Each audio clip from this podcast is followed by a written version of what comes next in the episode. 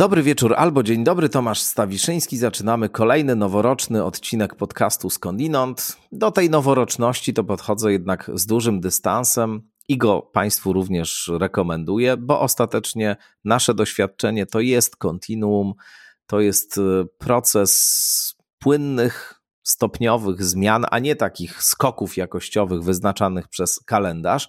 No ale zarazem kalendarz to wdzięczny jest, to wdzięczne narzędzie, żeby się nim posługiwać do takiego, takiej pracy psychologicznej polegającej właśnie na e, rozpoznawaniu i pewnej cykliczności i, i, i jakichś momentów przewartościowania, odrodzenia. No, ta cykliczność kalendarzowa odzwierciedlająca cykliczność przyrody, to jest jednak coś głęboko w kulturze zakorzenionego, dlatego cóż, no, nie odżegnuje się od tego, mimo owego wyrażonego na początku sceptycyzmu. Cóż, y, zaraz na początku y, również chciałbym Państwa przeprosić za jakość dźwięku, mojego dźwięku w nagraniu, które Państwo za moment usłyszą to wynika z pewnej technologicznej usterki, której nie zauważyłem realizując to nagranie. Mój głos rzeczywiście nie brzmi najlepiej, nie aż jakoś bardzo strasznie, ale mimo wszystko no, mógłby brzmieć lepiej i zazwyczaj w tym podcaście brzmi lepiej, bo zawsze staram się dbać o to, żeby jakość dźwięku była bardzo dobra. Tu niestety niewiele się już dało z tym zrobić. Oczywiście można zrozumieć, co mówię bez problemu. No i przede wszystkim Paweł Boguszewski, nasz gość, brzmi bardzo dobrze i mówi zdecydowanie więcej ode mnie. No więc nie będzie, myślę, żadnym dyskomfortem dla Państwa wysłuchanie tej rozmowy. Ta usterka po prostu jakoś niezauważona e, przez całą naszą rozmowę najlepsze sobie funkcjonowała i no właśnie, później niestety efekty są takie. Obiecuję, że Następnym razem mm, będę bardzo uważał i wszystko 20 razy sprawdzał. No to tak czasem jest właśnie. Jak człowiek w euforii noworocznej coś robi, to później okazuje się, że nie do końca e, jest właśnie tak, jakby się pragnęło. Niemniej jednak myślę, że ta rozmowa będzie dla Państwa bardzo ciekawa. Rozmawiamy oczywiście wokół tematyki szczepień, pandemii, koronawirusa ten moment, w którym teraz jesteśmy, to jest moment, w którym program szczepień już na dobre rusza. Za jakiś czas w Polsce będą e, ruszały także powszechne zapisy. No i pomyślałem, że Paweł Boguszewski, znakomity naukowiec i znakomity popularyzator nauki, to jest fantastyczny gość do tego, żeby różne mity, różne półprawdy, różne teorie spiskowe dotyczące szczepień na COVID rozbroić. No i to właśnie się dzieje w tej rozmowie, którą już teraz Państwu przedstawiam. No i życzę oczywiście, żeby ten rok był dla Państwa i dla mnie również bardziej łaskawy niż rok 2020, żeby ten cały pandemiczny koszmar się już skończył raz na zawsze. Zachęcam oczywiście do tego nieustająco, żeby wspierać podcast Skądinąd za pośrednictwem Patronite albo PayPala przez moją stronę www.stawiszynski.org. No i cóż, dr Paweł Boguszewski. No i już drugi raz gości w Skądinąd dr Paweł Boguszewski. Dzień dobry. Dzień dobry, witam. Takie węzłowe momenty to są e, Twoje wizyty w Skądinąd, bo najpierw byłeś w pierwszym programie, pierwszym w ogóle programie z tego, tego podcastu, a później byłeś, e, no właśnie, później to jesteś teraz, czyli pierwszym noworocznym programie. To znaczące, uważam. Tak. A bardzo się cieszę. Bardzo dobrze. E, zaszczepisz się? Szcz szczególnie, że mamy, mam nadzieję, nowy, ciekawy rok. E, no tak. właśnie, to tak, tak, taką mam refleksję podstawową, że ten poprzedni się zaczął pandemią, a ten aktualny, który już mamy, 2021, zaczyna się jakąś perspektywą wyjścia z pandemii, no bo poczekajmy do marca, poczekajmy do marca. Mm, jak, to, jak, to, jak to się mówi, nie chwal y, jeszcze roku, zanim się jeszcze rozkręcił. Natomiast na twoje pytanie, y, czy szczepić się będę, to tak, tak, czekam y, z wytęsknieniem na kolej, ponieważ jest to coś, co w końcu może nam przywrócić e, pewnego rodzaju normalność i wszemi wobec namawiam do tego, żeby się szczepić. Ja też e, będę się szczepił i też namawiam zdecydowanie do tego, żeby wszyscy, którzy tylko mogą, skorzystali z tej możliwości, z tej opcji, ale powiedz mi, nie obawiasz się? No bo wiele osób i wiele takich głosów jest e, w internecie, wiele osób e, ma rozmaite wątpliwości, obawy, na przykład związane z ekspresowym tempem opracowania tej szczepionki. E, powiem Ci tak, e, no, jako biolog, e, pracujący czynnie zresztą, wprawdzie nie przy szczepieniach, tylko przy badaniach neuro, ale no, pracujący w instytucji, gdzie mam bardzo wielu biologów molekularnych, ludzi, którzy zajmują się między innymi też immunologią. No, mieliśmy różne dyskusje, niestety właśnie przytłumione troszeczkę przez COVID. Mm, I no, ludzie mieli różne wątpliwości co do tempa prac, co do tego, czy, mm, czy rzeczywiście nie jest to zbyt ekspresowe wprowadzenie pewnego produktu, czy nie jest to zbyt obarczone dużym ryzykiem małej wiedzy na temat tego, jak to funkcjonuje. E, natomiast e, e, i uważam, że tego typu wątpliwości, niezależnie od tego, czy jest się biologiem, czy jest się zwykłym, jak to się mówi, zjadaczem chleba, są całkowicie naturalne i należy je mieć. I bardzo dobrze. Tutaj najważniejszą kwestią jest, w jaki sposób będziemy rozwiązywali te, te wątpliwości i w jaki sposób podejdziemy do pewnego rodzaju procesu myślowego e, nabywania wiedzy i utrwalania bądź zmienienia swoich przekonań. E, ja w toku właśnie uczenia się na temat tego, w jaki sposób ta szczepionka ma działać, w jaki sposób ta szczepionka jest wprowadzana, przede wszystkim też ze względu na specyfikę na rynek europejski, Mm, e, oraz e, patrząc na publikacje, tempo różnego rodzaju prac podstawowych i prac zaawansowanych, patrząc na statystyki mm, e, badań klinicznych, które, które towarzyszyły wprowadzaniu tej szczepionki, przede wszystkim tej szczepionki właśnie firmy Pfizer, przekonałem się, że jakiekolwiek ryzyko, które ona ze sobą niesie, a to trzeba powiedzieć, że każda interwencja, E, medyczna czy niemedyczna niesie ze sobą ryzyko. Nawet wypicie porannej kawy czy wieczornej kawy jest ryzykowne. E, to tutaj zyski z e, tego szczepienia dalece, dalece, dalece przewyższają potencjalne, potencjalne ryzyko, potencjalne efekty uboczne, których jest bardzo, bardzo niewiele. Mm, także mówimy zarówno o zyskach e, na poziomie indywidualnym, to znaczy o zysku, który my indywidualnie szczepiąc się e, mamy z tego szczepienia, jak i o zysku społecznym, jak i o zysku całej wspólnoty, w której funkcjonujemy. Tak, prawda? dokładnie tak. I dla społeczeństwa, i, mm, i osobiście. Po prostu to, co możemy zrobić tu i teraz, żeby zakończyć tę pandemię, i zakończyć się nie w sposób taki, że wszyscy na hura staramy się ewentualnie nie umrzeć e, i po prostu ją przechorować, e, e, tylko po prostu zakończyć ją w sposób, no, można powiedzieć, medycznie fajny i akceptowalny, no to to jest jedyna droga. To jest jedyna droga. Natomiast, tak jak mówię, posiadać wątpliwości mamy pełne prawo. Posiadać opinię też mamy prawo, teraz każdy lubi mieć opinię na temat wszystkiego. Bardzo jest ważne to, w jaki sposób te opinie nasze weryfikujemy i w jaki sposób podchodzimy do problemu. I to wydaje mi się jest e, mm, jedną z rzeczy, którą zobaczyliśmy bardzo jaskrawie w przypadku e, właśnie mm, tej epidemii, to znaczy negatywny wpływ e, mediów społecznościowych, taki nawet pasywny, o którym to żeśmy rozmawiali przy okazji Social Dilemma, czyli takiego filmu, który tak. opowiadał właśnie o wpływie na, e, mediów społecznościowych na tworzenie się pewnego rodzaju banik informacyjnych.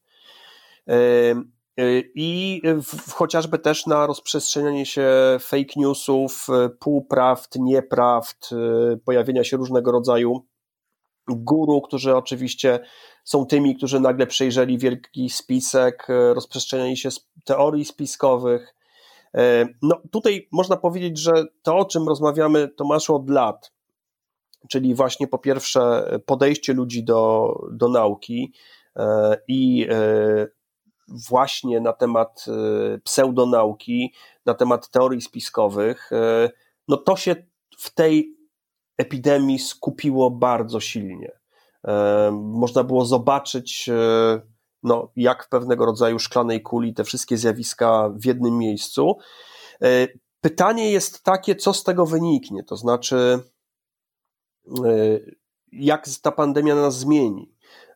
Wpływy negatywne na pewno będziemy mieli przez, przez lata. Niektóre branże rzeczywiście są potwornie dotknięte e, tą pandemią. E, mówię tu przede wszystkim o takim podejściu gospodarczym. E, I no, to jest coś, nad czym ekonomiści będą musieli pracować, i, i tutaj nie ma co negować, że pewne, pewne grupy osób ucierpiały ekonomicznie dużo bardziej niż, niż reszta społeczeństwa. Mm, pewne negatywne skutki w związane z tym, że na przykład y, przedłużona izolacja spowodowała obniżenie nastroju wielu osób, y, mogła spowodować zaostrzenie konfliktów rodzinnych, mogła e, spowodować y, ogólne problemy ze zdrowiem psychicznym, to być może będziemy mieli pewne pozytywne aspekty tej pandemii i dobrze by było je wzmocnić. To trzeba popracować nad tym, żeby mm. pewne rzeczy nie, zostały, nie poszły w zapomnienie. Chociażby właśnie um, nauka, czyli to, że jednak coś, co nas wydobyło z tego problemu, e, to nie są pseudoguru, to nie są celebryci, e, to nie są różnego rodzaju przywódcy duchowi, tylko to, jest nauk, tylko to są naukowcy. No, jeszcze, jeszcze nie wydobyło. Jeszcze nie wydobyło. Oby... Ci, Musimy... którzy mieli największą szansę, żeby wydobyć, zobaczymy Jasne. na ile pójdzie. Ja jestem dobrej myśli. Musimy e, jeszcze pomóc więcej... im, musimy im pomóc, żeby nas wydobyć. Tak, tak. Ale co... jedno słowo, wiesz, jedną rzecz mhm. chciałem wtrącić tutaj do tego, co mówiłeś, bo nie chcę, żeby nam to umknęło, a to jest dosyć istotne to się pojawiło jakoś na początku y, Twojej wypowiedzi, kiedy, kiedy wspominałeś teorie spiskowe, właśnie kwestie pseudonauki, pseudomedycyny, która e, no właściwie wiesz, na tym terenie, który powstał w momencie, kiedy pandemia zaczęła się rozwijać, no właściwie e, kwitła i pseudomedycyna, i pseudonauka to był rzeczywiście jakby dla nich jest cały czas e, taki moment intensywnej ekspansji. Oczywiście mo można się zastanawiać, na ile to na dłuższą metę jednak nie zweryfikuje negatywnie tych rozmaitych antyszczepionkowych koncepcji i, i, i mitologii rozmaitych związanych z medycyną tak zwaną alternatywną, ale to czas pokaże. Natomiast generalnie jest tak, że zaufanie do ekspertów i zaufanie do instytucji naukowych spadło i to w całej Unii Europejskiej. Są na to całkiem świeże badania, które pokazują, że mniej więcej o kilkanaście procent w pandemii zaufanie do nauki, instytucji naukowych i w ogóle ekspertów spadło. I teraz można rozmaicie patrzeć na ten proces. Dlaczego tak się stało? Ja mam wrażenie, że jedną z, e, ze składowych tego procesu jest okoliczność, że mm, nigdy chyba wcześniej, a przynajmniej ja nie pamiętam, żeby w takiej skali naukowcy gościli w mediach popularnych, jak w ostatnich miesiącach, takich masowych mediach, wypowiadali się, e, prowadzili ze sobą dyskusje, przedstawiane były na bieżąco niczym najgorętsze newsy, wyniki naukowych badań, rozmaite modele statystyczne rozwoju pandemii opracowywane przez naukowców były odmieniane przez wszystkie przypadki. I oto skonfrontowaliśmy się w pewnym momencie z taką sytuacją, że te opinie po pierwsze często są wzajemnie sprzeczne że wypracowanie jakiegoś takiego konsensusu co do natury wirusa, zjadliwości wirusa, to był proces, który trwał i do tej pory jeszcze niektórzy naukowcy, y, którzy się tym zajmują, różnią się od siebie w opiniach, że właśnie nie udało nam się natychmiast y, znaleźć jakiegoś fantastycznego panaceum, tylko to musiało trwać, że wiele spośród prognoz dotyczących możliwego rozwoju pandemii też się okazało błędnych i nagle mam wrażenie taki w dużym stopniu nieprawdziwy obraz nauki, wygenerowany przez jej przeciwników raczej, właśnie jako czegoś, co ma dawać pewność, co zawsze podsuwa stuprocentowe rozwiązania, został skonfrontowany z rzeczywistością poznania naukowego, które jest jednak stawianiem i weryfikowaniem hipotez, autokorekcją, często właśnie podążaniem w różnych kierunkach, z których się trzeba wycofać, no bo okazuje się, że argumenty i, i dowody przemawiają na rzecz jakichś innych kierunków.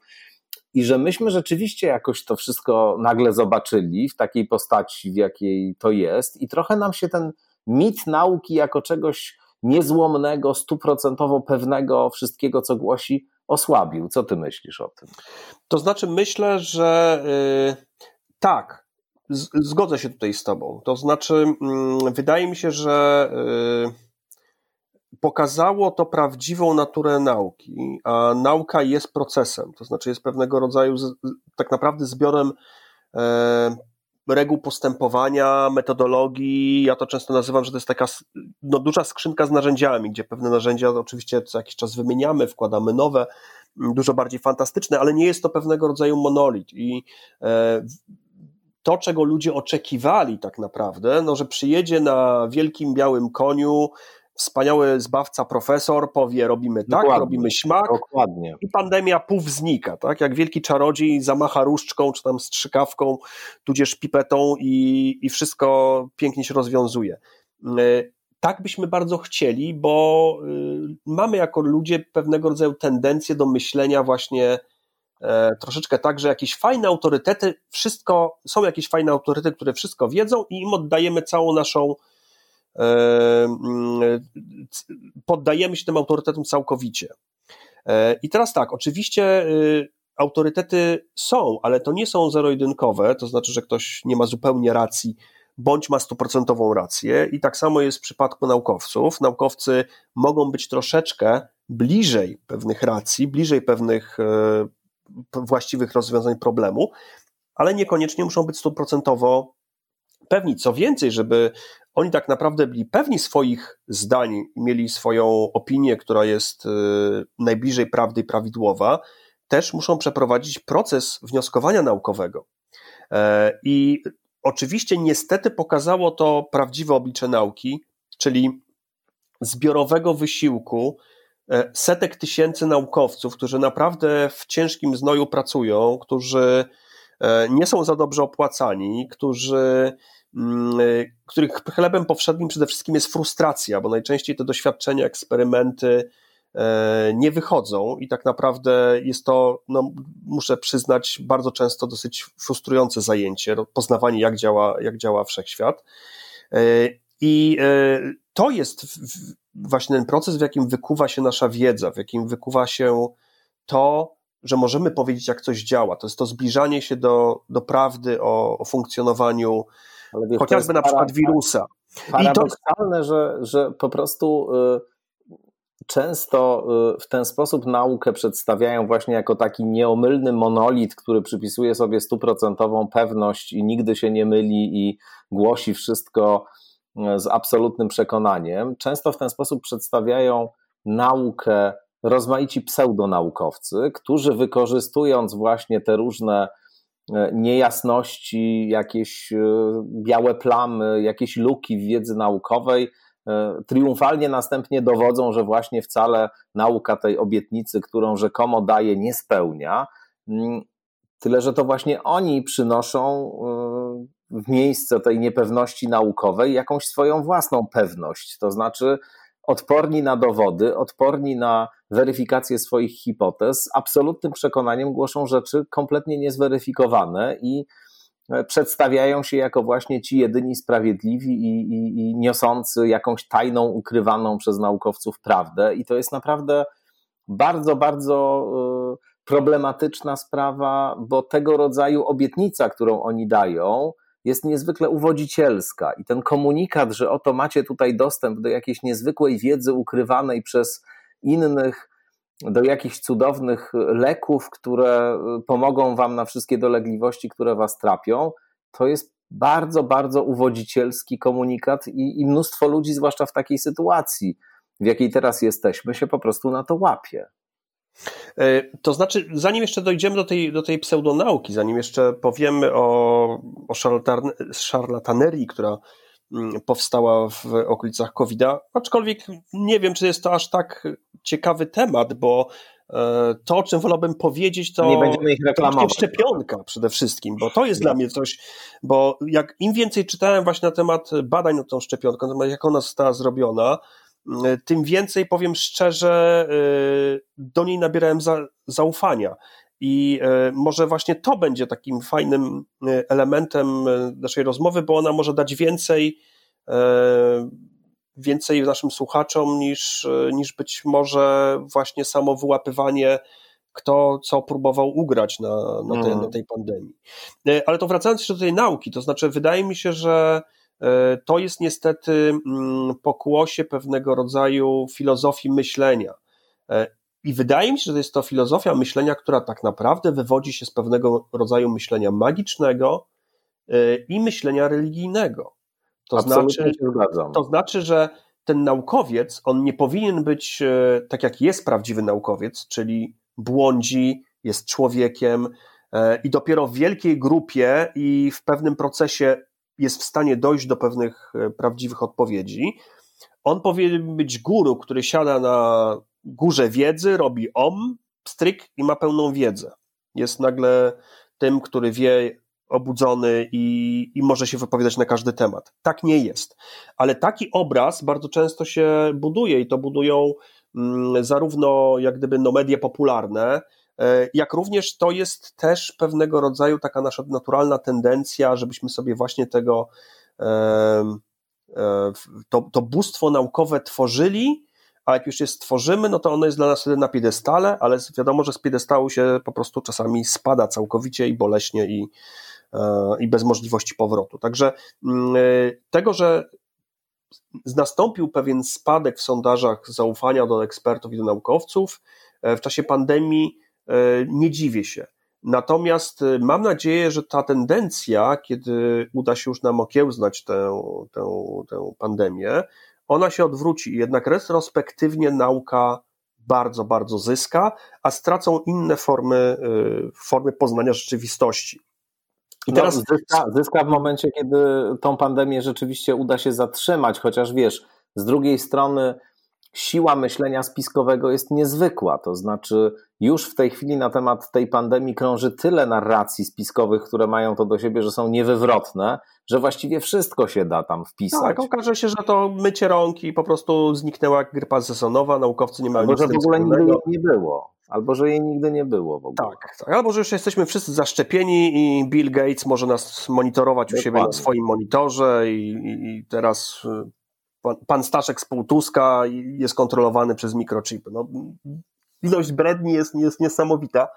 Mm, y, ale tak jak mówię, wydaje mi się, że y, pokazanie tego prawdziwego oblicza nauki, ono może mieć pewien trzeźwiący y, wpływ na, na, na ludzi, ale według mnie jest dobrze, bo tutaj nas tylko i wyłącznie może prawda wyzwolić. Natomiast skąd się wzięło to, że mm, nawet autorytety miały problemy z oceną sytuacji? Przypomnijmy sobie chociażby mm, różnego rodzaju podejście, już nie mówię teraz do szczepionki, tylko na przykład epidemiologów do tego, w jaki sposób reagować na, e, na to zagrożenie. Tak? Mieliśmy e, modele, gdzie wprowadzono całkowitą kontrolę, gdzie wprowadzono śledzenie obywateli, tak jak chociażby Kora e, Południowa, która dzięki temu bardzo szybko, można powiedzieć, okiełznała ten e, wybuch tej, tej, tej, tej choroby.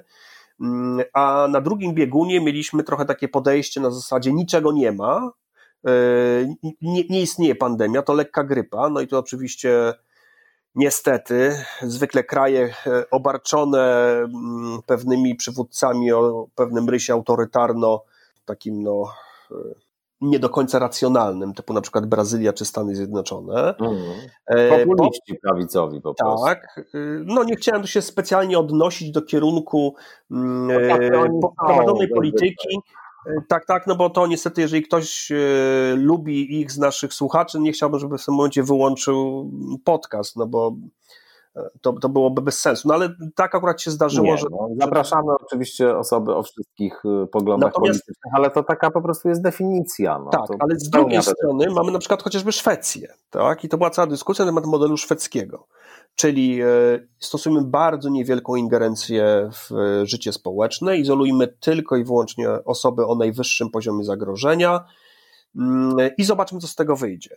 E, I to jest, czyli tak naprawdę nie mieliśmy pomysłu na to, w jaki sposób ugryźć problem tej pandemii. Każdy kraj troszeczkę inaczej do tego podchodził. Każdy kraj, jak widać było, w innych momentach wprowadzał na przykład lockdowny. Każdy kraj w, miał troszeczkę inne progi, które sobie zakładał, na przykład śmiertelności dobowej, czy, mm, czy, czy, czy wykrywania, czy, czy ilości wykrytych przypadków. E, I to już nam pokazywało, że e, ci eksperci, którzy mogli w całkowicie dobrej wierze doradzać, oni też nie mieli tej wiedzy. I to jest prosta sprawa. Nigdy nie mieliśmy w czasach nowożytnych tego typu problemu. To jest pierwszy raz, kiedy mieliśmy tego typu problem. E, do tego nakłada się e, nieznajomość konkretnego e, wektora wirusowego. To znaczy, problem jest taki, że mm, koronawirusy, i tutaj oczywiście były teorie spiskowe, przecież je znam od dawna, prawda? Książkę znalazłem z lat 60. w bibliotece i tam było o koronawirusach. No tak, tak, bo to jest wielka klasa różnego rodzaju wirusów. Natomiast problem jest taki, że właśnie pewnego rodzaju niewielkie mutacje niektórych białek tego wirusa zmieniają jego właściwości. Mm, I te właściwości można je tak narysować na takim wykresie z kilkoma ośkami, gdzie jest oczywiście na przykład y, ich zjadliwość, to znaczy jak bardzo powodują problemu właściciela, którego atakują, e, jak często występują te objawy, e, jak również zdolność do przenoszenia się z człowieka na człowieka. Mm, e, czyli to w jaki sposób, jak, szyb, jak bardzo są zaraźliwe. I tych wszystkich rzeczy żeśmy nie wiedzieli. Te wszystkie rzeczy dopiero żeśmy poznawali w trakcie pandemii. Mm, I to już powodowało, że samo to, w jaki sposób doradzać politykom, było tak różne, było przede wszystkim właśnie spowodowane tym, że nie mieliśmy informacji ani w ogóle jak sobie radzić w tak masywnych e, problemach, a dwa, nie mieliśmy informacji na temat tego konkretnego patogenu. Nie widzieliśmy, jak bardzo jest e, zaraźliwy e, i jak wielkie zdrowotne konsekwencje są jego działania. Tego cały czas jeszcze nie wiemy, bo też rozmawialiśmy na, na przykład na temat tego przechodzenia bezobjawowego, które się okazuje, że nie jest bezobjawowe, że jednak osoby, które nawet bardzo łagodnie przechodziły, E, w postaci krótkiej gorączki, ale jednak, kiedy ten wirus okazywało się, że atakował nie poprzez układ oddechowy, tylko przede wszystkim przez układ nerwowy, my tak naprawdę jeszcze nie wiemy, co u tych osób się pojawi. Hmm. My jeszcze nie wiemy, jakie będą konsekwencje długofalowe, nawet tych, e, którzy radośnie być może przeszli całkowicie tego COVID-a i być może nawet nie zauważyli, że go mieli. E, my nie wiemy, co z tego się wykluje. Po prostu my tej wiedzy nie posiadamy i dopiero nauka może ją zebrać. Także mm, wydaje mi się, że ten pierwszy element y, tej niepewności właśnie wynikał z braku możliwości zastosowania od razu procedur doradczych do polityków. Oczywiście tu jest kolejna sprawa, to znaczy, co oni robią z tą wiedzą. Bo jednak pewne podstawowe elementy Mm, które można powiedzieć są takim złotym środkiem, takie jak to, że trzeba robić jak najwięcej testów, e, jak najwięcej testować oraz wprowadzać e, takie najbardziej podstawowe formy mm, ochrony. To się tak e, to nazywało, że to jest taki model trochę szwajcarskiego sera, to znaczy wprowadzamy wiele niedoskonałych barier, które razem ze sobą mogą dać nam dobre efekty, czyli właśnie te maseczki, mm, większa higiena, wprowadzenie mniejszej ilości osób, unikanie zgromadzeń, czyli coś, co jeszcze nam nie powoduje pełnego lockdownu, ale powoduje na pewno spowolnienie rozprzestrzeniania się wirusa, to nawet te rzeczy były bardzo kontestowane, nawet te rzeczy nie były wprowadzane e, od ręki. E, co więcej, e, zaczęto nawet gmerać przy różnego rodzaju statystykach. No, niestety dokładnie to się w Polsce pokazało w pełnej swojej krasie z powodu tego, że Mm, no, zysk polityczny wskazywał, że muszą się odbyć wybory jak najszybciej. E, mówię o wyborach prezydenckich. E, I w związku z tym pewne komunikaty na temat e, rozwoju pandemii, ryzyka pandemii były podporządkowane pod, pod dyktando woli politycznej, a nie woli medycznej.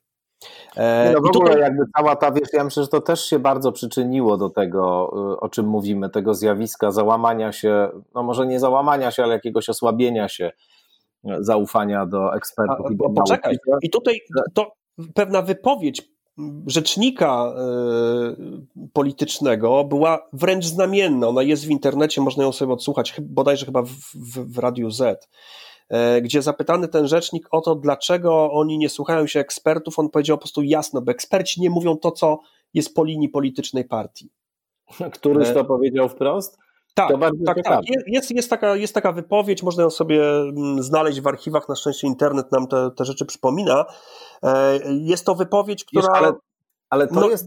jest... Jest, jest, kuriozalna, to znaczy no, nie będziemy ale... słuchali się ekspertów, bądź dobierzemy sobie takich ekspertów, którzy powiedzą nam to, co my chcemy usłyszeć. Ale zwróć e, uwagę, że to jest problem, który właściwie na całym świecie y, mieliśmy, to znaczy i w Europie, i w Stanach Zjednoczonych. No nie mówię o innych krajach, bo w niektórych krajach, na przykład w krajach afrykańskich, to w ogóle jakby y, ciężko to porównywać i, i, i sytuacja tam była dramatyczna i jest dramatyczna, ale w bardzo wielu y, krajach, no właściwie te obostrzenia, które zostały na początku wprowadzone, też były wycofywane jakoś tak e, arbitralnie zupełnie, kiedy jeszcze w Polsce to najbardziej, bo w Polsce właściwie nigdy nie spadła liczba zachorowań do takiego poziomu kilku, kilkunastu dziennie, tylko ciągle mieliśmy kilkaset. I w momencie, kiedy mieliśmy kilkaset, czyli kiedy, kiedy mieliśmy ich wielokrotnie więcej aniżeli w momencie, w którym zaczynały się e, lockdowny, no to właśnie wtedy żeśmy zaczęli znosić te obostrzenia, przy czym na początku znosiliśmy jakieś najbardziej absurdalne, które były w ogóle kompletnie bez sensu, jak zakaz wchodzenia do lasów na przykład,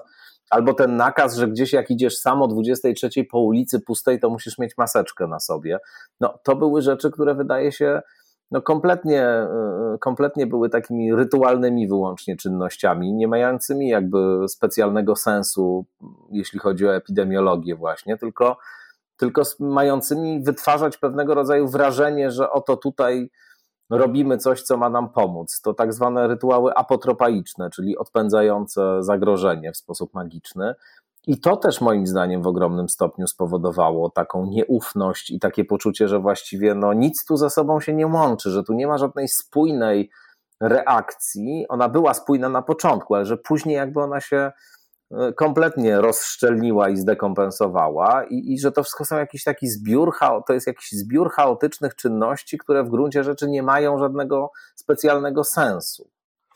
E, dokładnie. I to mogło spowodować, że ludzie, którzy są poddani tego typu restrykcjom, a przede wszystkim ludzie, którzy ponoszą koszty tego typu restrykcji, e, koszty na przykład gospodarcze, utraty pracy, utraty swojej firmy, uznają, że to jest jakaś totalna paranoia, że co, co, ci, co ci ludzie robią, tak? Jak oni wprowadzają totalnie absurdalne zakazy, które uderzają na lewo i prawo, nie ma żadnej kompensacji mm, gospodarczej tego typu, mm, tego typu ruchów y, wymuszonych przez, przez, przez właśnie rząd e, i y, mogą mieć wtedy wrażenie, że coś, że, że po pierwsze no, ci ludzie nie wiedzą do końca, co wiedzą, nie widzą tego, zagrożenia i, i być może jest tam jakiś inny interes. No i potem, jak zaczynają wychodzić rzeczy, o których ja chcę jak najmniej mówić, bo nie jest to sfera naukowa, więc chciałbym od tej mm, sfery politycznej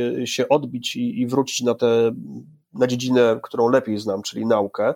E, no to jeżeli tam się zaczynają nagle pojawiać różnego rodzaju dziwne zachowania, jakieś dziwne zamówienia, jakieś dziwne zakupy, sprzętu, maseczek z niewiadomych pochodzeń za większe pieniądze, e, no to w tym momencie ja się absolutnie nie dziwię, że powstają nawet nie teorie spiskowe, że po prostu ktoś przy okazji e, pandemii, która jest realna, ale w tym momencie dużo ludzi może dojść do wniosku, że nie jest realna, ponieważ była mm. specjalnie zrobiona pod to, żeby ktoś mógł sobie na tym E, coś ugrać, coś zarobić e, i coś wygrać, tak?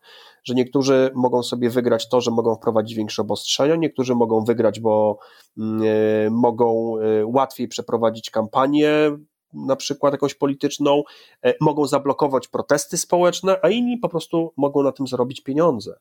Mm, I to jest coś, co niestety dokładnie w pewnym sensie nastąpiło, ale tutaj trzeba pamiętać, e, że no, ta jednak pandemia, ta sytuacja z wirusem była realna. To znaczy, ona została wykorzystana, yy, natomiast nie była według mnie stworzona konkretnie pod tego typu yy, zachowania. Natomiast ktoś, kto no nie ma dostępu do, znaczy ma, bo każdy ma dostęp do pełnej wiedzy obecnie przy internecie, tylko nie zawsze może ją wykorzystać i zrozumieć może mieć wrażenie właśnie, że, e, e, że to zostało całkowicie sztucznie wygenerowane, tylko no, w celu nabicia jakiejś, e, jakiejś kabzy. Ale tu chciałbym się odbić od tej polityki, bo chciałem ją tylko zahaczyć o to, że niestety właśnie na mm, to, co wiemy na temat pandemii, to chociażby też rzutowały metody testowania ludzi, czyli sprawdzania ilości zakażeń, raportowania tych ilości zakażeń, raportowania ilości śmierci i rodzaju, w jaki sposób się klasyfikuje dany przypadek, czy to jest przypadek covidowy, czy nie covidowy, czy covidowy e, ze schorzeniami skojarzonymi. No to też bardzo dobrze wiemy, że w Polsce ta statystyka jest bardzo problematyczna. To wszyscy eksperci są zgodni, którzy trochę się na tym znają. Nawet żeśmy w pewnym momencie. Dane to jest po prostu kreatywna nawet, księgowość. Nawet żeśmy zostali wyrzuceni w pewnym momencie ze statystyki europejskiej z powodu bardzo niewiarygodnych Właśnie. danych i bardzo niewiarygodnego raportowania, co uważam, że jest e, e, no już w ogóle karygodne, bo w tym przypadku, jeżeli rzeczywiście uznajemy, że nie wiemy, jakie mamy zagrożenie, nie wiemy, co to jest e, do końca za wektor, i jeszcze nie wiemy, jak postępować, to przynajmniej powinniśmy dokładnie robić to, co możemy robić, czyli przynajmniej być uczciwi pod kątem statystyki, epidemiologii, zbierania danych, testowania jak największej ilości ludzi. Tutaj, w tym powinniśmy po prostu naprawdę to, co to czego jesteśmy pewni, powinniśmy robić stoprocentowo dobrze. I okazało się, że też tutaj y, w wielu krajach to, to, to zawiodło. Mm, no dobrze, ale to w takim razie, skoro wiemy już, że no mamy tego wirusa, którego nie do końca znamy, no to dokładnie. E, w trakcie tej epidemii też uczyliśmy się w jaki sposób e, leczyć, może nie tyle leczyć, bo nie ma lekarstwa, ile szukano różnego rodzaju medykamentów, żeby złagodzić objawy. I tutaj była dosyć duża lista, bo to, to, to było remdesivir, czy różnego rodzaju leki przeciwwirusowe, no i wiele innych różnego rodzaju środków, które uważano, że być może mogą wspomóc E, leczenie, mm, ale zawsze trzeba pamiętać, że te środki muszą po prostu wykazać swoją skuteczność. W związku z tym, tak naprawdę, skuteczność stosowania różnego rodzaju procedur, środków, e, ona była dopiero weryfikowana w trakcie, w trakcie tej epidemii. E, no, okazało się, tak naprawdę nie mamy nic w arsenale, co nam może pomóc. To, co rzeczywiście nam mogło pomagać, to, jest, to są pewne procedury, które E, podtrzymywały tego pacjenta przy życiu, Wiesz, czyli chociażby na przykład metody respiracji. Jedna rzecz, która mi się wydaje bardzo ważna i tutaj miałbym pewne zarzuty nawet do takich e, i dziennikarzy naukowych i do niektórych naukowców, e, lekarzy, którzy moim zdaniem jakby czasami w sposób nadmiarowy reagują na pewnego rodzaju no, domniemania, jakieś nowinki y, albo jakieś y, doniesienia o potencjalnie korzystnym wpływie terapeutycznym różnych środków, bo mieliśmy na przykład y, od samego początku ileś doniesień takich, no nie oczywiście polegających na tym, że ktoś zrobił wielkie badania ze ślepą próbą i tak dalej, tylko polegających na jakiejś obserwacji klinicznej albo na na, na e, jakiejś e, teoretycznej spekulacji, na przykład dotyczących e, korzystnego wpływu witaminy D na przebieg infekcji koronawirusem. I pamiętam kilka wypowiedzi takich osób, na przykład pewnych,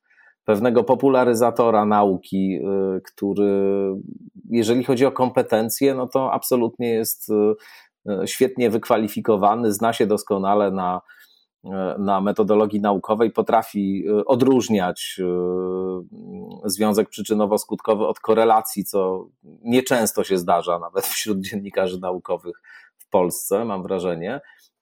Ale pamiętam takie wypowiedzi także kilku lekarzy, którzy po prostu twierdzili, że absolutnie nie, że w ogóle to jest kompletnie, kompletnie bez sensu, nie należy żadnej witaminy D brać, nic nam to nie pomoże, nie ma żadnych jakby dowodów, że to działa. I teraz Czym innym jednak mimo wszystko, jeśli chcemy pozostać ściśle w kręgu metodologii naukowej, czym innym jest powiedzenie, że nie ma dowodów, że coś działa, nie ma silnych dowodów, że coś działa, od powiedzenia, że są dowody, że nie działa. To są jednak dwie różne rzeczy. I w przypadku akurat witaminy D okazało się, że wysokie dawki tej witaminy D faktycznie e, wpływają korzystnie na przebieg infekcji. Coraz więcej jest publikacji, które też pokazują, że osoby, które mają wysoki poziom witaminy D, e, z mniejszym prawdopodobieństwem zachorują i z mniejszym prawdopodobieństwem przejdą ciężko COVID. Więc tutaj też mam wrażenie, że czasami z kolei taka ortodoksja metodologiczna, naukowa ze strony samych nau naukowców idzie zbyt daleko. To znaczy, właśnie z kolei oni utożsamiają okoliczność, że pewne strategie terapeutyczne na przykład y, nie są do końca jakby zbadane i nie mamy y, przekonujących, stuprocentowych, wielokrotnie zreplikowanych badań wskazujących, że one działają, mylą to z taką sytuacją, że coś e, zweryfikowaliśmy jako niedziałające. I to mi się też wydaje niestety niedobre.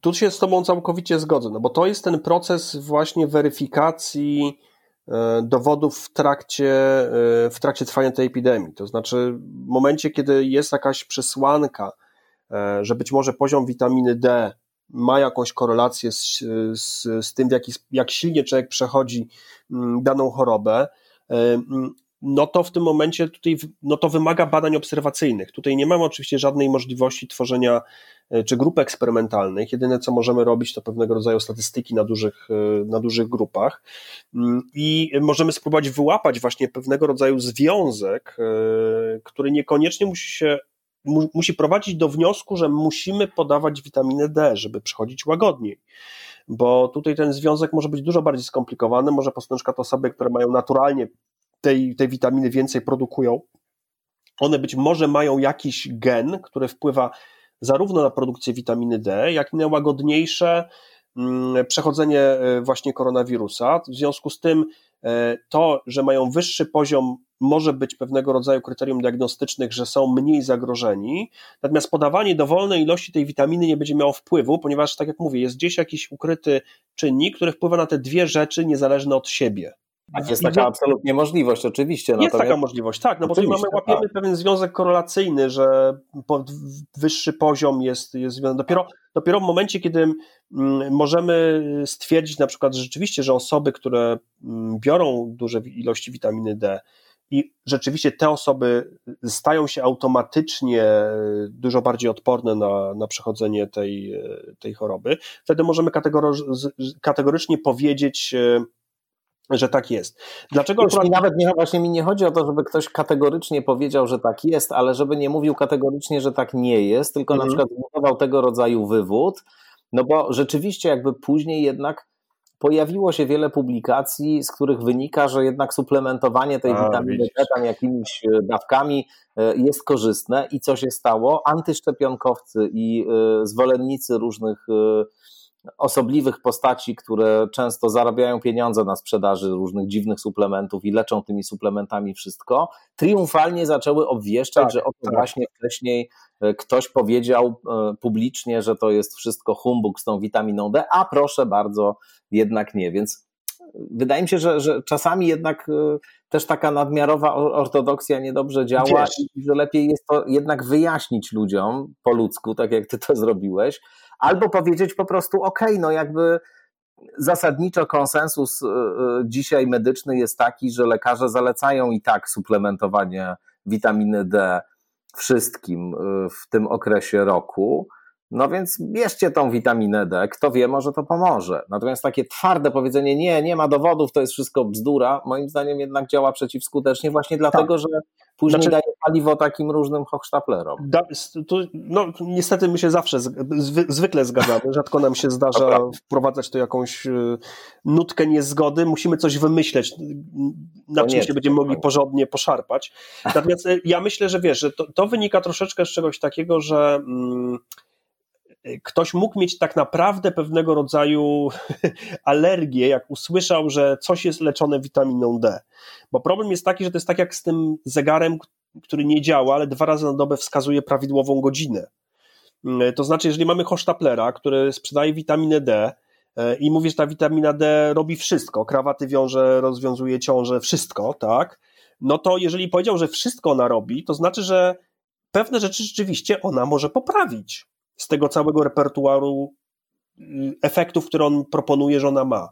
Y, I w tym momencie y, lekarz, który słyszy, że nagle ktoś wyskakuje bez poparcia tego badaniami czy przesłankami naukowymi i mówi: A tutaj proszę bardzo, na pewno COVID jest leczony witaminą D, bo powiedział to pewien pan nie będziemy wymieniali z imienia nazwiska, każdy wie o kogo chodzi, tak, no to w tym momencie taki lekarz może powiedzieć, no kurczę blade, zaczyna się, tak, przy każdej chorobie raka leczył witaminą D, teraz będzie covid leczył witaminą D, tak? Czyli wszystkie po kolei choroby znowu się, znowu się oczywiście zgadzamy. Tak, masz tak, rację. I w tym momencie znaczy, stąd mogą powstać, że można tak. już mieć serdecznie dość tego rodzaju Dokładnie tak. dziwacznych koncepcji. Tak, i tutaj oczywiście yy, to nie znaczy, że wszystko to, co dany Hochstapler mówi jest prawdą, po prostu to jest to, że jemu się udało tak jak temu zegarowi niechodzącemu pokazać tą prawidłową godzinę przez, przez kilka sekund, trafić kulą w płot.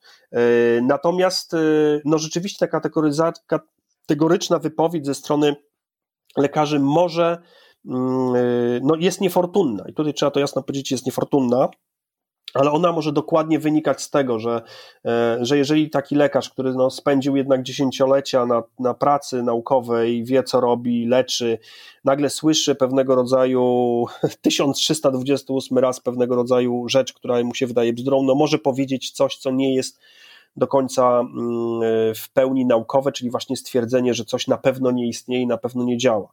E, I myślę, że to, to w takich kategoriach to, e, to, to możemy to zamknąć. Naprawdę. Także, także ta witamina D plus wszystkie inne czynniki, które badaliśmy w trakcie, e, no pokazuje nam właśnie taki efekt e, próby znalezienia metodologii, jak leczyć. Tu fantastycznym przypadkiem jest chociażby zastosowanie tych e, respiratorów. I tu jedno z, z takich stwierdzeń spiskowych było to, że te respiratory tak naprawdę zabijają tych pacjentów. Tak, bardzo popularna teoria. Że jeżeli się podłączy tego człowieka pod respirator, to on umrze. E, co więcej, ona się okazała, że jest prawdziwa. To znaczy, rzeczywiście na początku pandemii e, nawet nie wiedzieliśmy, nie wiedzieli lekarze, w jaki sposób prowadzić prawidłową podłączenie pod respiratora, no bo nam się wydaje, że ten respirator to jest tak, taka maseczka, leży sobie ten pacjent w tym łóżeczku, taką ma małą, fajną maseczkę Mm, i wszystko jest cacy. I to, co to jest, taki być pod respiratorem? No niestety e, prawdziwe leżenie pod respiratorem polega na wprowadzeniu specjalnego aparatu do tchawicy, znieczulenia ogólnego całej osoby, żeby nie było odruchów wyrzucenia tego, tego aparatu i przejęcia tak naprawdę w pełni wentylacji przez, e, przez aparaturę, to znaczy musimy wyłączyć możliwość e, regulacji E, ruchów oddechowych przez, przez pacjenta. Te ruchy oddechowe są, mm, to, są, to, są, to jest odruch, który jest regulowany przez ośrodki w pniu mózgu. Bardzo niskopoziomowe ośrodki. W związku z tym rzeczywiście trzeba wprowadzić w głęboką śpiączkę układ nerwowy pacjenta, żeby zablokować te odruchy. No bo jeżeli stracimy przytomność, jeżeli stracimy wyższe funkcje naszego umysłu, to ten pień mózgu tam siedzi i on po prostu mówi wdech, wydech. E, to jest właśnie po to, że to jest podstawowa funkcja, funkcja, która e, ma nas utrzymać przy życiu, nawet jeżeli mamy bardzo silnie uszkodzony układ nerwowy. E, ona działa, można powiedzieć, jest wbudowana w najbardziej podstawowe funkcje naszego układu nerwowego. W związku z tym, żeby ten odruch nie walczył z aparaturą, trzeba tego pacjenta mocno uśpić. E, I e, zobaczenie odpowiedniego protokołu, który mm, odpowiednio przewentyluje te płuca, też było metodą y, prób i błędów. To znaczy okazało się, że to nie jest taka aparatura, gdzie podczepiamy pacjenta, puszczamy i już. Do tego są potrzebni specjaliści. To jest po pierwsze aparatura specjalistyczna, która wymaga nie tylko pompy, która tłoczy gaz do płuc pacjenta, ale przede wszystkim ogromnej ilości czujników, które monitorują y, ciśnienie wewnątrz tych płuc, monitorują przepływ tego powietrza, monitorują ilość dwutlenku węgla, który, czyli jakości wymiany gazowej. E, I okazało się, że akurat tutaj trzeba zmniejszyć objętość wymiany gazowej, to znaczy te sztuczne oddechy muszą być dużo bardziej płytkie, ale jednocześnie płuca trzeba utrzymać pod większym ciśnieniem. Chodziło o to, że nabłonek, który jest zaatakowany przez wirusa, który, te komórki nabłonka płucnego, które się rozpadają, Mm, one nie mogą pracować zbyt intensywnie, to znaczy nie można prowadzić głębokiego skurczu i rozkurczu tych płuc, ponieważ e, ten nadwątlony nabłonek się właśnie zaczyna rozrywać, rozpadać. E, I to były te przyczyny niepowodzenia tych pierwszych e, prób stosowania respiratorów, gdzie stosowano po prostu mm, zwykłe procedury, takie jak przy lekkim zapaleniu płuc.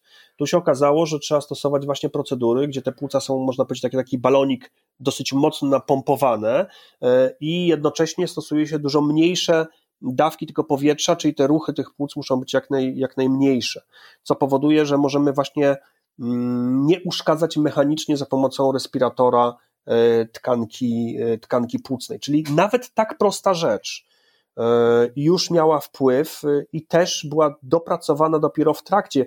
W związku z tym ci pacjenci, którzy byli podłączeni pod respirator już w tej drugiej fali e, mieli dużo wyższą szansę na przeżycie. Tam jeszcze dochodzi oczywiście e, ułożenie tego pacjenta w takiej pozycji na brzuchu e, i, i, to już dawało dużo wyższy, dużo wyższy wskaźnik. E, I tak ta przeżywalność nie przeżywalność. jest w Polsce, bo, bo umieralność to jest tam bodaj chyba 67% wśród osób podłączonych do respiratora, co jest jednak dość koszmarnym wskaźnikiem. Tak, no i, po, po, teraz okej, okay, czyli e, tutaj chodziło mi o to, żeby pokazać to, że e, z powodu nowego patogenu mhm. my musieliśmy dopiero w ogniu walki, naprawdę w ogniu walki, wypracować zarówno procedury epidemiologiczne, jak i procedury, mm, które były właśnie związane z utrzymaniem pacjentów e, przy życiu, czyli procedury medyczne. E, w związku z tym to wszystko było nowe. Natomiast e, tutaj to, co jeszcze zostało bardzo boleśnie obnażone, to jest ogólnie kondycja służby zdrowia, e, ponieważ e, to nie respirator leczy, tylko lekarz bądź e, specjalista, który potrafi taki respirator obsłużyć. W przypadku są, w wielu krajów są to na przykład specjalne, specjalnie szkolone na przykład pielęgniarki, które potrafią tego typu aparaty obsłużyć i monitorować i uruchomić. No i tutaj się okazało, że jesteśmy w szarym ogonie krajów pod względem ilości lekarzy i pielęgniarek e, na mieszkańca. E, więc niestety ta pandemia, ona pokazała słabość systemów zdrowotnych wielu krajów. No niestety słabość systemu polskiego bardzo silnie mm, pokazała. Te różnego rodzaju zjawiska patologiczne, które tak naprawdę myślę, że w szkoleniu medyków, w, w wynagradzaniu służby zdrowia, no one się nawarstwiły i tutaj nie jest oczywiście wina obecnej, czy poprzedniej, czy jeszcze poprzedniej ekipy. Ja się obawiam, że to jest pewnego rodzaju proces, który nie został prawidłowo mm, przeprowadzony już od, od dziesięcioleci, bo, bo tak naprawdę mm, dosyć niska ilość właśnie personelu medycznego i lekarzy i pielęgniarek no jest efektem e, niskiej atrakcyjności tego zawodu, e, atrakcyjności zatrudnienia za granicą, mm, plus bardzo niskich inwestycji, próby pewnego rodzaju komercjalizacji usług medycznych, e, które my już obecnie wiemy, że niestety nie do końca się fajnie komercjalizują, bo komercjalizują się te procedury medyczne, które są w miarę przyjemne i mało ryzykowne. Natomiast niestety procedury ryzykowne, tak jak chociażby choroby zakaźnej, jest to coś, co jednak powinno być mm, w gestii państwowej służby zdrowia.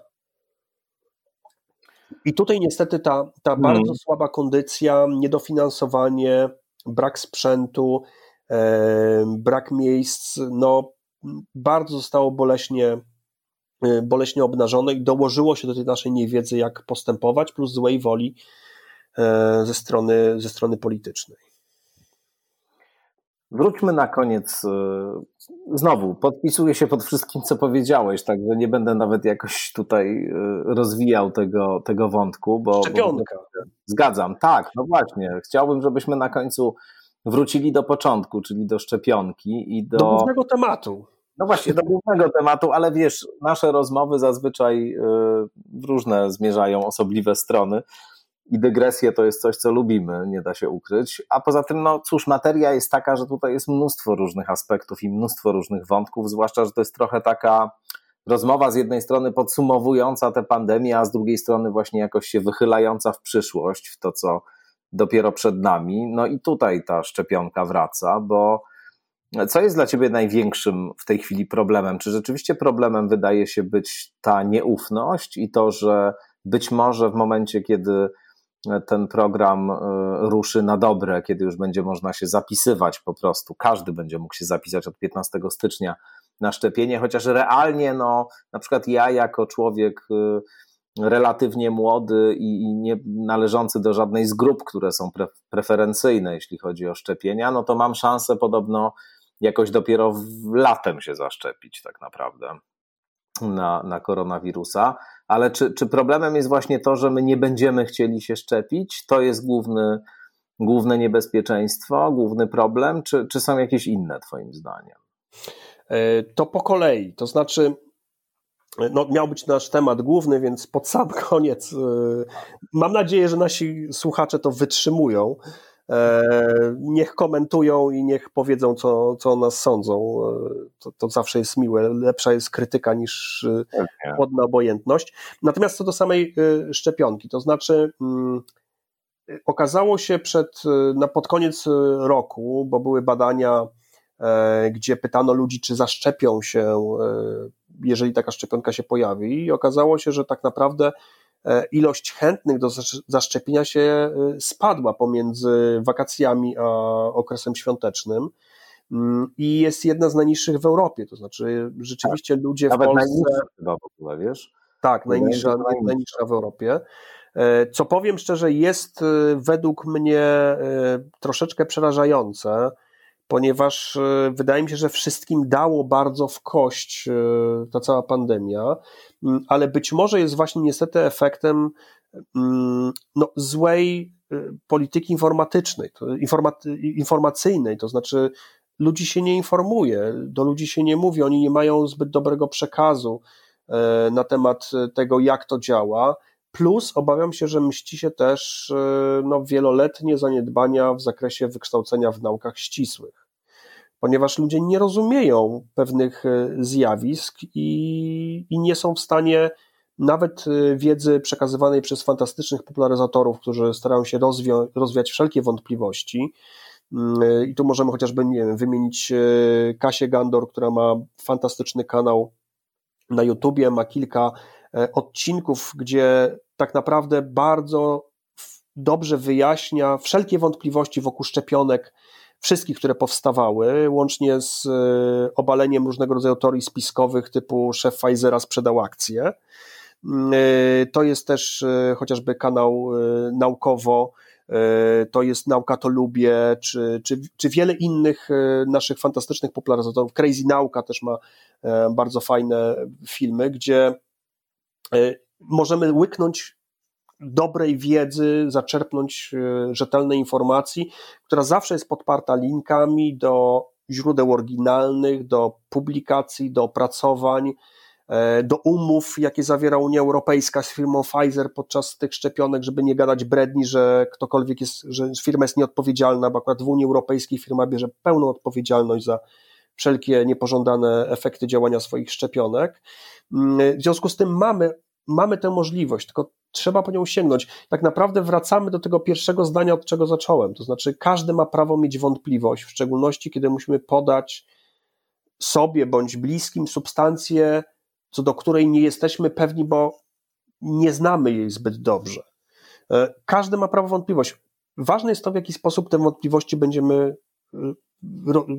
rozwiewać, w jaki sposób będziemy do nich podchodzić. E, I tutaj jest kwestia, czy będziemy się paśli teoriami spiskowymi, filmami z żółtymi napisami mm, e, i słuchali różnych dziwnych e, guru, którzy pączkują nagle coś, nie, profesorowie genetyki z dorobkiem naukowym ledwo doktoranta, którzy nagle mówią, że będziemy zmutowani i i ta, ta mRNA wbuduje się w nasze geny i tak naprawdę zmienimy całkowicie naturę e, człowieka.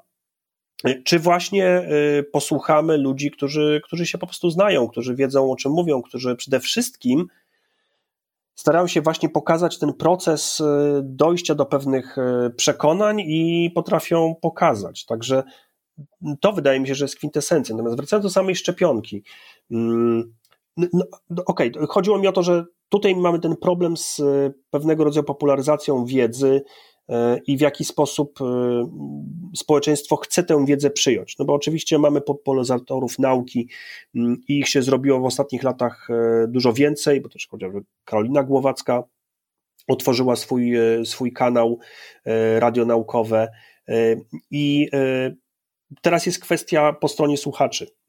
Oni muszą zacząć słuchać i przyjmować te informacje, i dzięki temu y, wyrabiać sobie zdanie na podstawie właśnie głosów nauki, y, a nie głosów y, pseudonauki. Natomiast wracając do samej tej szczepionki, to jest to ta niechęć do, do szczepienia się jest przerażająca, natomiast jeszcze gorsze badanie pokazało, że ci osoby, którzy nie chcą się szczepić, one się chętnie zaszczepią, jak im się za to zapłaci. No. E, I powiem, to jest takie dodanie, że tak powiem, e, insult to Jak injury. wiadomo o co chodzi, to chodzi o pieniądze i ta, to powiedzenie tak. jest zawsze prawdziwe. Tak, także to, to był problem. Im więcej im się zapłaci, tym chętniej się zaszczepią. No, e, no ciężko jest to skomentować. E, nie wiem, czy to jest związane z jakąś czy mentalnością, czy, czy z podejściem. E, czy ze słabą kondycją ekonomiczną, bo to też może być i tutaj tego byśmy, nie powinniśmy tego odrzucać. Natomiast do samej szczepionki, to ja ci powiem, Tomaszu, że im więcej o niej czytałem, tym ona mi się bardziej podoba. O, proszę bardzo.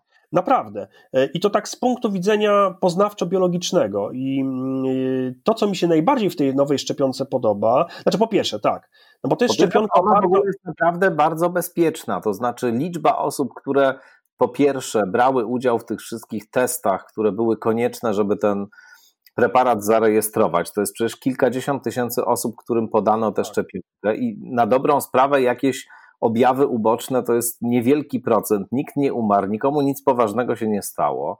Po drugie, no już mamy naprawdę sporo ludzi na świecie zaszczepionych i też poza jakimiś pojedynczymi... Miliony ludzi. No właśnie, no właśnie. Znaczy, poza pojedynczymi... Nie, nawet, nawet dzisiaj reakcją anafilaktyczną, która się zdarza czasami, no jak ktoś ma nad, e, e, taki nadwrażliwy organizm, no przy naprawdę aspirynie jest e, częściej. No. Przy każdej szczepionce, przy każdym podaniu czegokolwiek może się zdarzyć. Natomiast Ale tak jest tego bardzo mało. Natomiast tutaj też jest problemem właśnie niezrozumienie badań klinicznych i to jest pewnego rodzaju rzecz, która oczywiście jest dyskusją, no bo badania kliniczne są de facto przeprowadzaniem eksperymentów na ludziach a to konotację ma bardzo słabą, ale tym po prostu jest. Badanie kliniczne jest koniecznym eksperymentem na ludziach. Mm, I e, no, firmy farmaceutyczne, które prowadzą badania kliniczne, ale nie tylko firmy, ponieważ badania kliniczne są prowadzone e, przez firmy, które produkują różnego rodzaju leki, ale to nie jest tak, że mamy Big Pharma i tylko ona i wyłącznie prowadzi badania kliniczne, bo prowadzą też dużo mniejsze podmioty, jak również y, czysto naukowe jednostki też przeprowadzają różnego rodzaju y, badania, które pod, podpadają pod reżim badań klinicznych. Y, o tych badaniach się bardzo niewiele mówi. I to jest troszeczkę rzecz dyskusyjna, ponieważ akurat firmy farmaceutyczne stwierdziły, że z powodu tego, że one są zaangażowane w ten proces nie tylko naukowo, ale też i finansowo, co jest całkowicie oczywiste, to one nie będą do końca opowiadały i mówiły o tym, jak to się robi.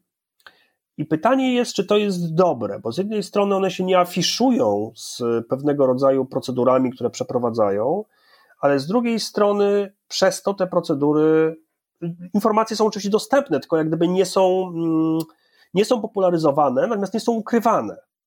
E, bo każdy ma prawo na całym świecie do, wejść do bazy, jest taka strona clinicaltrials.gov i tam są wszystkie badania kliniczne na całym świecie zarejestrowane. Jest też e, taka baza rejestracyjna badań europejskich, tam można sobie wejść, zobaczyć sobie mm, kto co testuje, gdzie, czy badanie jest otwarte, jaki jest progres tego badania. Wszystko jest jawne od, od lat, jest to, jest to wymóg, więc nawet te badania, które były prowadzone pod kątem COVID-a, też tam, też tam znajdziemy.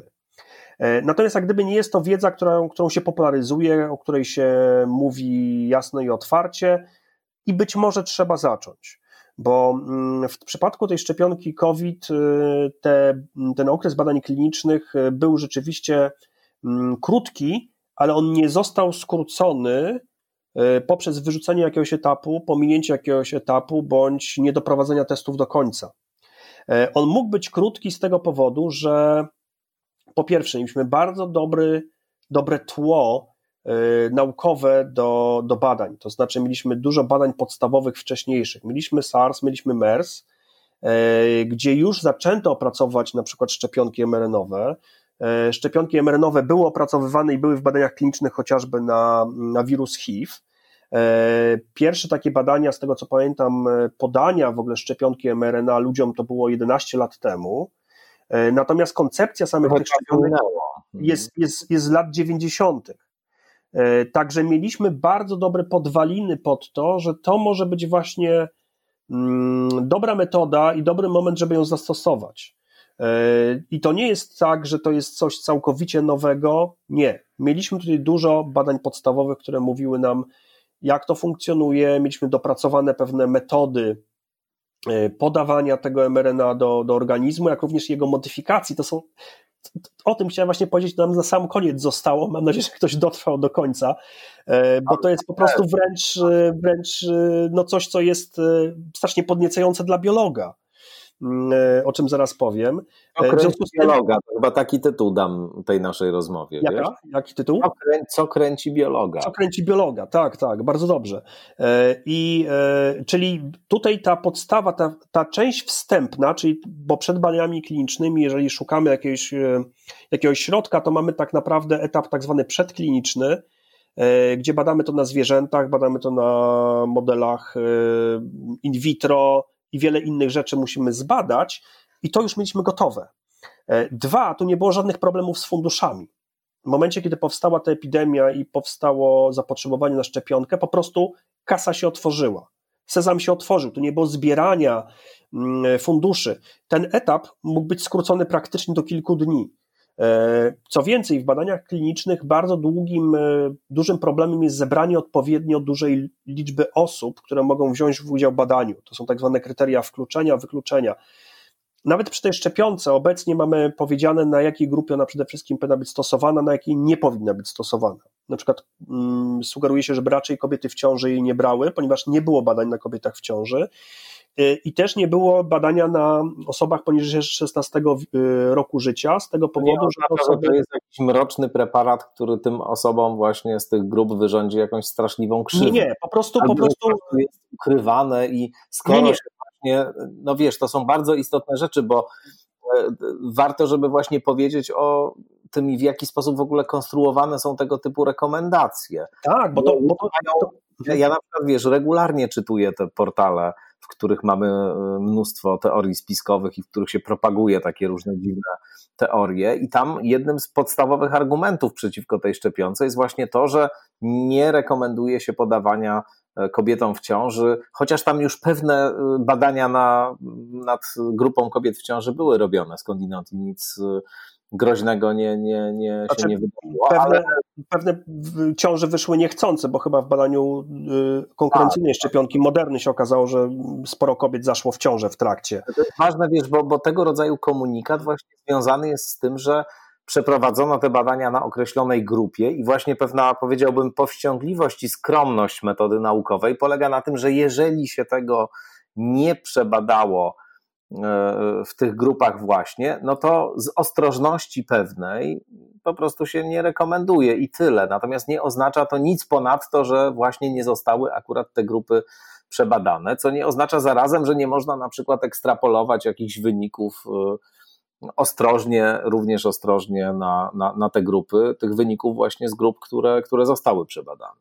Jak najbardziej. I tutaj w lekarz może podjąć decyzję, już e, konkretny lekarz, ponieważ medycyna jest tak naprawdę na pograniczu nauki i sztuki i on musi zbadać i rozeznać w swoim mniemaniu, czy pewne mm, potencjalne ryzyko, bo tak jak powiedzieliśmy, każda procedura medyczna, nawet wytarcie nosa niesie ze sobą pewnego rodzaju ryzyko, E, versus zyski, czyli na przykład jeżeli ma kogoś, kto jest e, w wysokiej grupie ryzyka śmierci poprzez COVID, a jednocześnie na przykład nie ma żadnych innych przeciwwskazań do szczepienia, to może lekarz y, powiedzieć, że to jest coś, co, co by mu za, zalecił, pomimo tego, że, że ta szczepionka nie była testowana na osobach y, na przykład właśnie do 16 roku życia.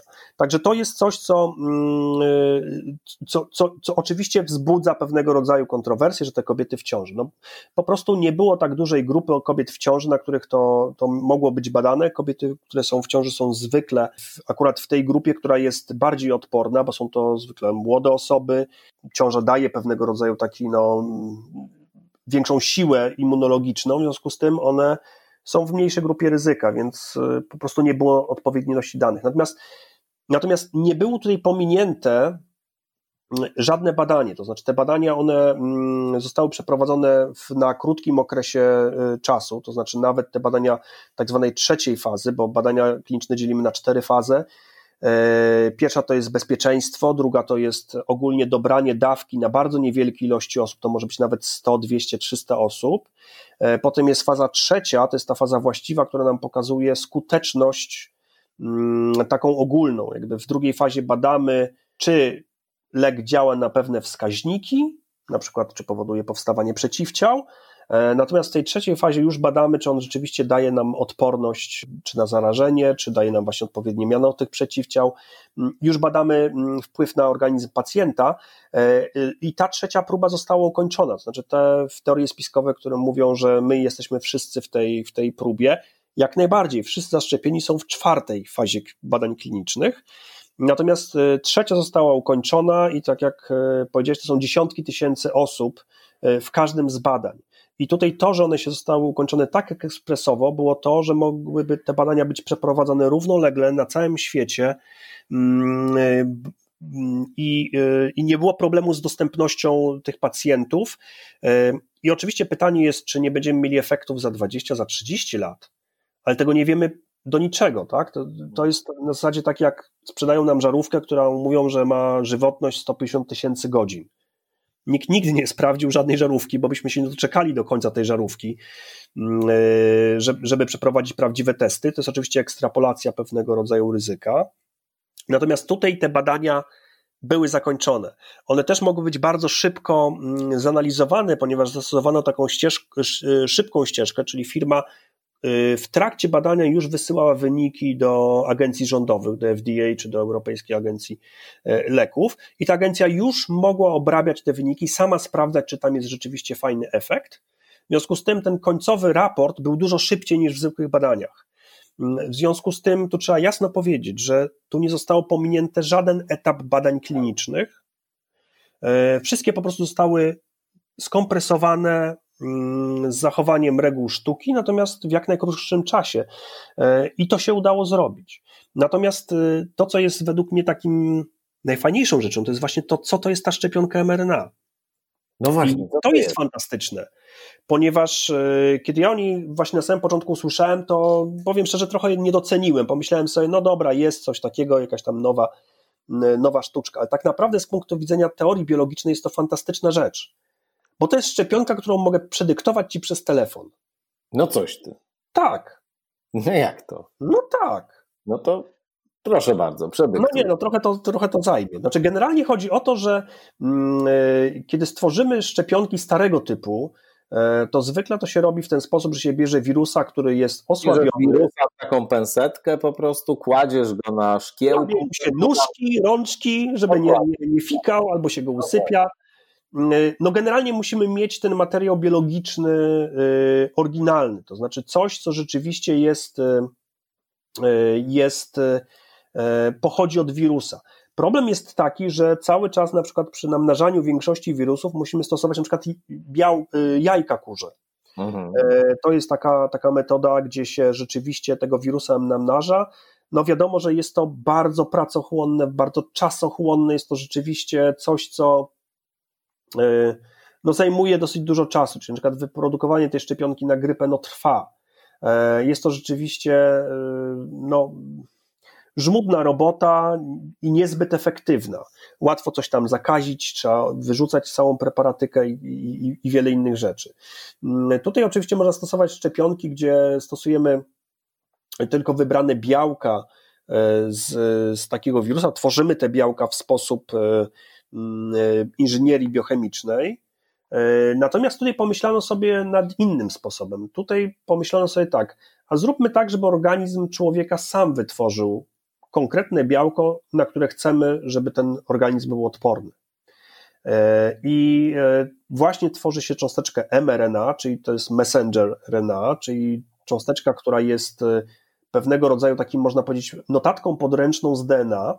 Ale to znaczy, że nie bierze się do tego tego wirusa w ogóle? Nie jest on nie, potrzebny, nie, jego tam fizycznie nie, nie ma żadnego, żadnej części. Nie ma żadnego wirusa. Dlatego ta szczepionka jest między innymi tak bezpieczna.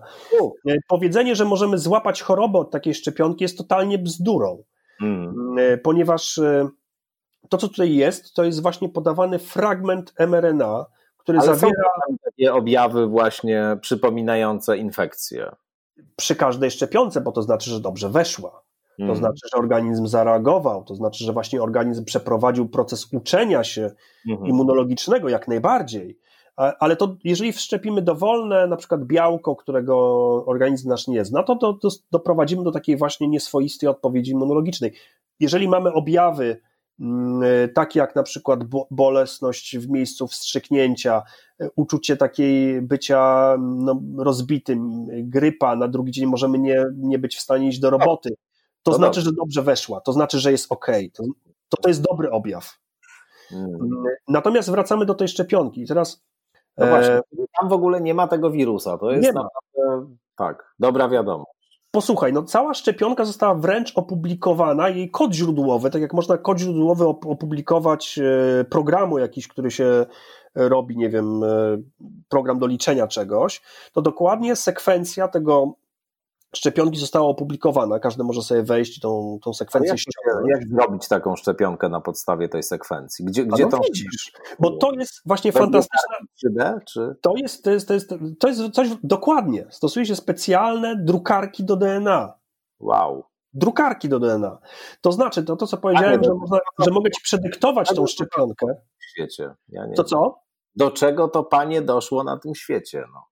No, ci, którzy się, Naprawdę ci, którzy, ci, którzy się y, pasjonują na przykład y, różnego rodzaju rzeczami, które samemu można zrobić w domu, tak zwane do it yourself, na przykład drukarki 3D, mm, y, to wiedzą, że na przykład jeżeli chciałbym mieć jakąś, no nie wiem, specjalny kształt jakiejś złączki, bądź jakiegoś uchwytu, bądź czegoś, czego nie jestem w stanie zupełnie kupić, to mogę ściągnąć przepis na tego typu element fizyczny i go sobie wydrukować w domu. Czyli na przykład, nie wiem, e, łamie mi się kółko zębate w mikserze, nie jestem w stanie nigdzie kupić takiego kółka zębatego, e, jestem w stanie je sobie wyprodukować w domu na drukarce, która może mi zrobić dowolny element w ramach tam oczywiście możliwości materiałowych i rozmiarowych. E, ściągam jedynie informacje na temat tego, jak wygląda ten element. I to jest dokładnie tak, jak jest zrobiona ta szczepionka. Mianowicie jest zaprojektowany cząsteczka mRNA, ona ma dokładnie 4284 mm, e, literek e, kodu genetycznego, czyli dokładnie, jeżeli by ci przedyktował 4284 literki, to ty byś był w stanie, mając taką drukarkę DNA, zbudować dokładnie cząsteczkę, o jaką chodzi. Bez istnienia wirusa, bez posiadania tego wirusa, bez e, e, tworzenia jakichkolwiek innych, e, namnażania tego wirusa. Po prostu produ produkujesz DNA, na podstawie tego DNA produkujesz mRNA i to mRNA możesz wstrzykiwać w odpowiedni sposób podane mm, już osobom. I oczywiście to jest 4200 to nie jest tak dużo, bo to jest, e, to liczymy, że to jest około 1 kilobajt, e, kilobajt e, informacji. To jest tak naprawdę no, 4000 znaków, to jest strona A4. Na starej, na starej dyskietce by się spokojnie zmieściła. Tak spokojnie. Na jednej stronie A4 możesz wydrukować przepis na szczepionkę mRNA. I to jest fantastyczne, ponieważ ta szczepionka była właśnie dokładnie zaprojektowana, to znaczy nawet w tej publikacji, którą można sobie zobaczyć, która jest w otwartym dostępie dokumentu WHO, jest nawet narysowany taki schemat, Mm, gdzie jest dokładnie mm, y, pokazane, że tam musi być odpowiednia taka sekwencja otwierająca, odpowiednia sekwencja zamykająca to mRNA.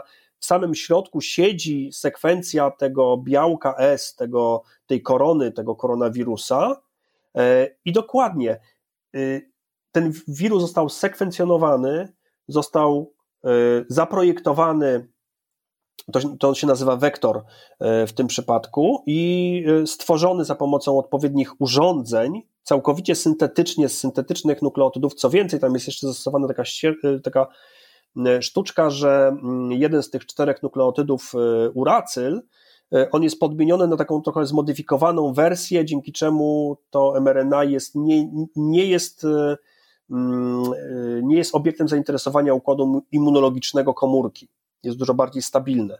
To też wiedzieliśmy wcześniej, że musimy taką modyfikację mm, zastosować. E, natomiast e, to nam daje jedną ogromną, e, fantastyczną, dobrą nowinę na przyszłość, że w momencie, kiedy będziemy mieli opracowaną procedurę, a już wydaje się, że mamy, no bo rzeczywiście Pfizer jest w stanie produkować setki milionów dawek tej, tej szczepionki w krótkim czasie, to znaczy, że tylko i wyłącznie modyfikując ten kod y, białka, który, które ma rozpoznawać nasz y, system immunologiczny, ale mając już przetestowane e, metody podania, czyli bo to musi być to mRNA w specjalnej takiej otoczce lipidowej podawane, żeby ono było, mm, przeniknęło do wnętrza komórki. E, to są oczywiście procedury zamrażania, przechowywania, podawania ilości dawek.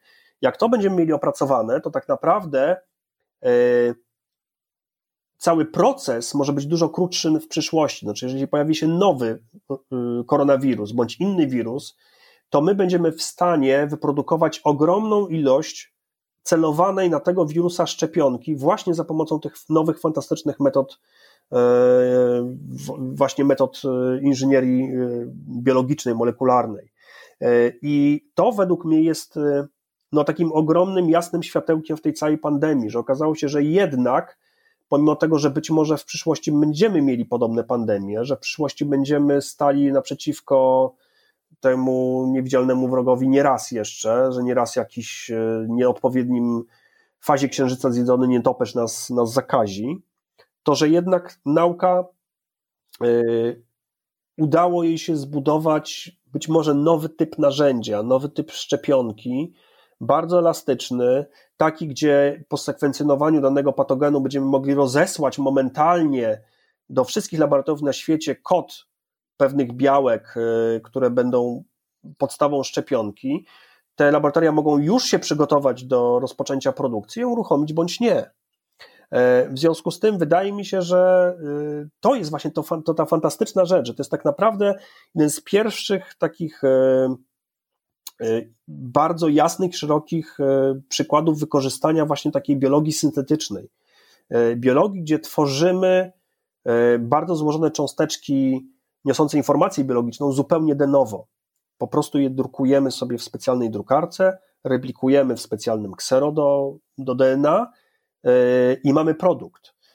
I powiem szczerze, to jest coś, co, co naprawdę no, mi się podoba jako z punktu widzenia biologa. Chciałem mm. powiedzieć, że udzieliła mi się ta fascynacja. Tak, to znaczy, tak, no bo jest to. I, i, tak, i to rozwiązuje nam kilkanaście problemów. Po pierwsze, że tutaj nie ma możliwości żadnej e, tego, że, że my wywołamy jakąkolwiek chorobę za pomocą tego, tego, bo tam nie ma wirusa, jest to tylko i wyłącznie jedno białko. Jest to dużo prostsze do kontrolowania czystości, e, czy zanieczyszczenia, czy, e, czy, czy właśnie ilości tych, tych cząsteczek, które są podawane.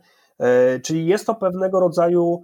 I można, oczywiście. Może, może ktoś sobie teraz zadaje to pytanie, słuchając nas, bo mówi, że no właśnie, nie ma tam wirusa, nie ma się co obawiać, że to może wywołać chorobę, no bo nie ma co wywołać tej choroby, ale są te reakcje anafilaktyczne. To jest jakiś bardzo nikły procent, ale z czego to właściwie wynika? No on najczęściej wynika z, tam podejrzewa się, jest z obecności glikolu, czyli różnego rodzaju substancji, które są substancjami pomocniczymi w takiej, w takiej szczepionce, no bo to jest ta kwestia. wywołuje, to znaczy nie to białko, nie ta informacja, która tam jest, y, tylko y, substancje, które są nośnikiem tej. Y, tak, ale i to jest generalnie ta nieswoista reakcja, która występuje u większości ludzi, że ta szczepionka dobrze wchodzi, ale oczywiście też samo białko może u bardzo niewielkiej ilości ludzi spowodować silniejsze efekty. E, no i tutaj niestety to jest problem, tak jak ze wszystkim, co, gdzie dotykamy natury ludzkiej. Jesteśmy bardzo zmienni e, i jeżeli podajemy tej szczepionki setki milionów dawek, no to może się zdarzyć, że ktoś ma bardzo, bardzo, bardzo nietypowe zestaw genów czy, czy, czy, czy podatności mm, i, i może się zdarzyć, coś się stanie. E, no tutaj mm, jednym z takich, e, które widziałem właśnie objawień wśród pseudonaukowców, znaczy nie pseudonaukowców, tylko zwolenników teorii spiskowej było to, że patrzcie, patrzcie, Pfizer pokazał swoje własne tabele, gdzie mamy spisywać ilość, gdzie spodziewają się śmierci. E, pacjenta pod wpływem szczepienia. No oczywiście to jest niezrozumienie procesu, ponieważ e, firma jak gdyby daje formularz, gdzie zbiera wszystkie możliwe, ewentualne rzeczy, które się mogą zdarzyć. E, może się zdarzyć, że ktoś umrze niekoniecznie po szczepionce, tylko na przykład no, zupełnie z innych okoliczności. I firmy zawsze żądają, żeby takie informacje były spisywane i, i zrobione. I po prostu taka rubryczka na coś takiego istnieje, ale to nie znaczy, że się ktokolwiek spodziewa, bo e, póki co nie było chyba żadnego przypadku śmierci po podaniu tej, tej szczepionki. W związku z tym na szczęście rubryczka zostaje pusta.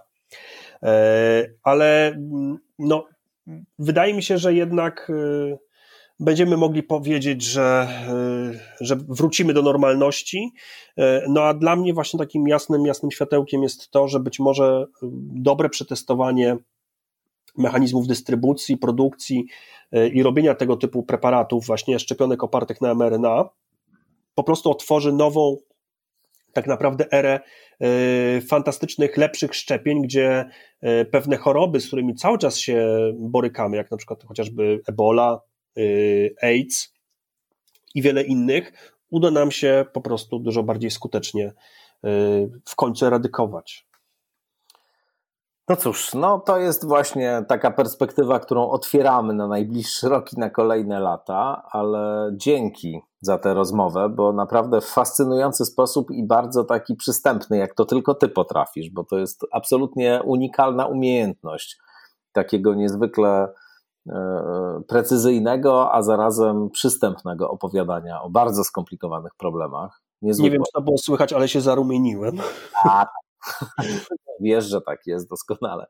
Ale dziękuję bardzo, bo myślę, że wielu osobom też e, to, co mówiłeś, jakoś rozjaśniło e, sprawę tego szczepienia i pandemii, i, i, i mam nadzieję, że jednak mimo wszystko, na miarę możliwości tego podcastu, rzecz jasna, zwiększymy chociaż trochę procent tych osób, które na szczepienie się zapiszą, a już 15 stycznia, z tego co wiem, te zapisy na szczepienia ruszają. Także ja zróbmy to. Ja tak samo. Ja tak samo. Jak Super.